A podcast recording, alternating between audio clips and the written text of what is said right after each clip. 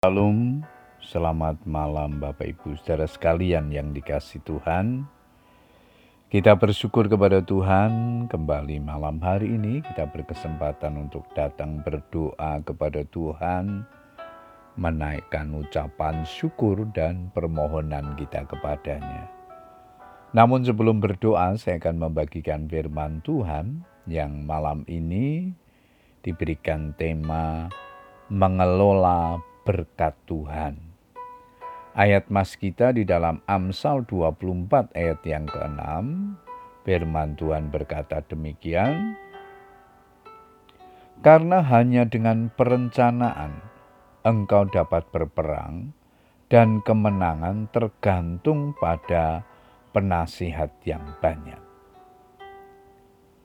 Bapak Ibu saudara sekalian, ada banyak faktor yang sering kali menjadi penyebab orang mengalami kesulitan dalam perekonomian atau hidup dalam kekurangan, tidak hidup dalam kelimpahan, adalah ketidakmampuan mengelola keuangan secara benar.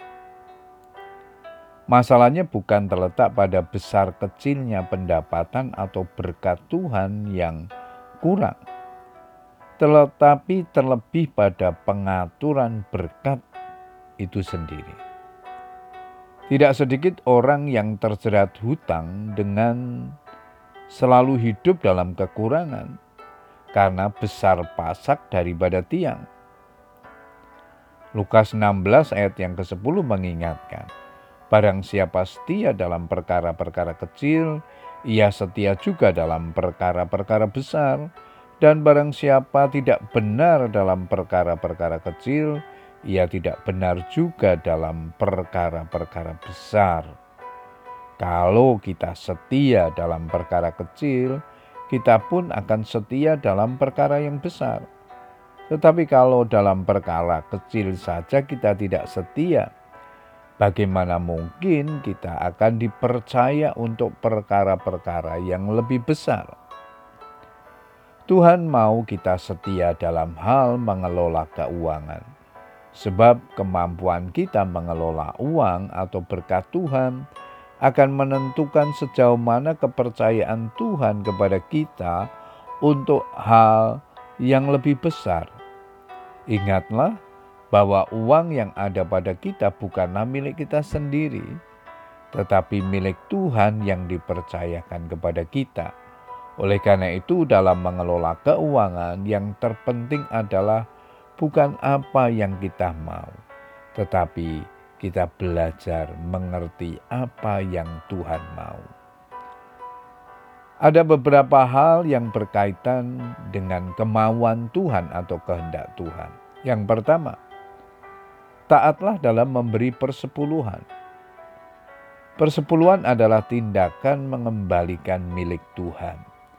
Bawalah seluruh persembahan persepuluhan itu ke dalam rumah perbendaharaan supaya ada persediaan makanan di rumahku dan ujilah aku firman Tuhan semesta alam apakah aku tidak membukakan bagimu tingkap-tingkap langit dan mencurahkan berkat kepadamu sampai berkelimpahan. Demikian nasihat firman Tuhan dalam Maleakhi 3 ayat yang ke-10. Kemudian hal berikutnya adalah buatlah anggaran sesuai prioritas. Kita benar-benar mengutamakan kebutuhan, bukan sekedar mengikuti keinginan kita. Dengan demikian kita tidak akan bergaya hidup konsumerisme konsumtif, tetapi memiliki gaya hidup sederhana dan hemat.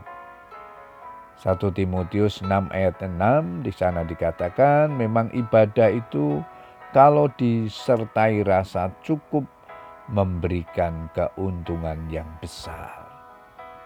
Dengan memperhatikan nasihat-nasihat firman Tuhan di atas, marilah kita bertindak bijak dalam mengelola berkat Tuhan yang dipercayakan kepada kita. Puji Tuhan Bapak Ibu Saudara sekalian, biarlah firman Tuhan ini menjadi berkat dalam hidup kita. Selamat berdoa. Tuhan Yesus memberkati. Amin.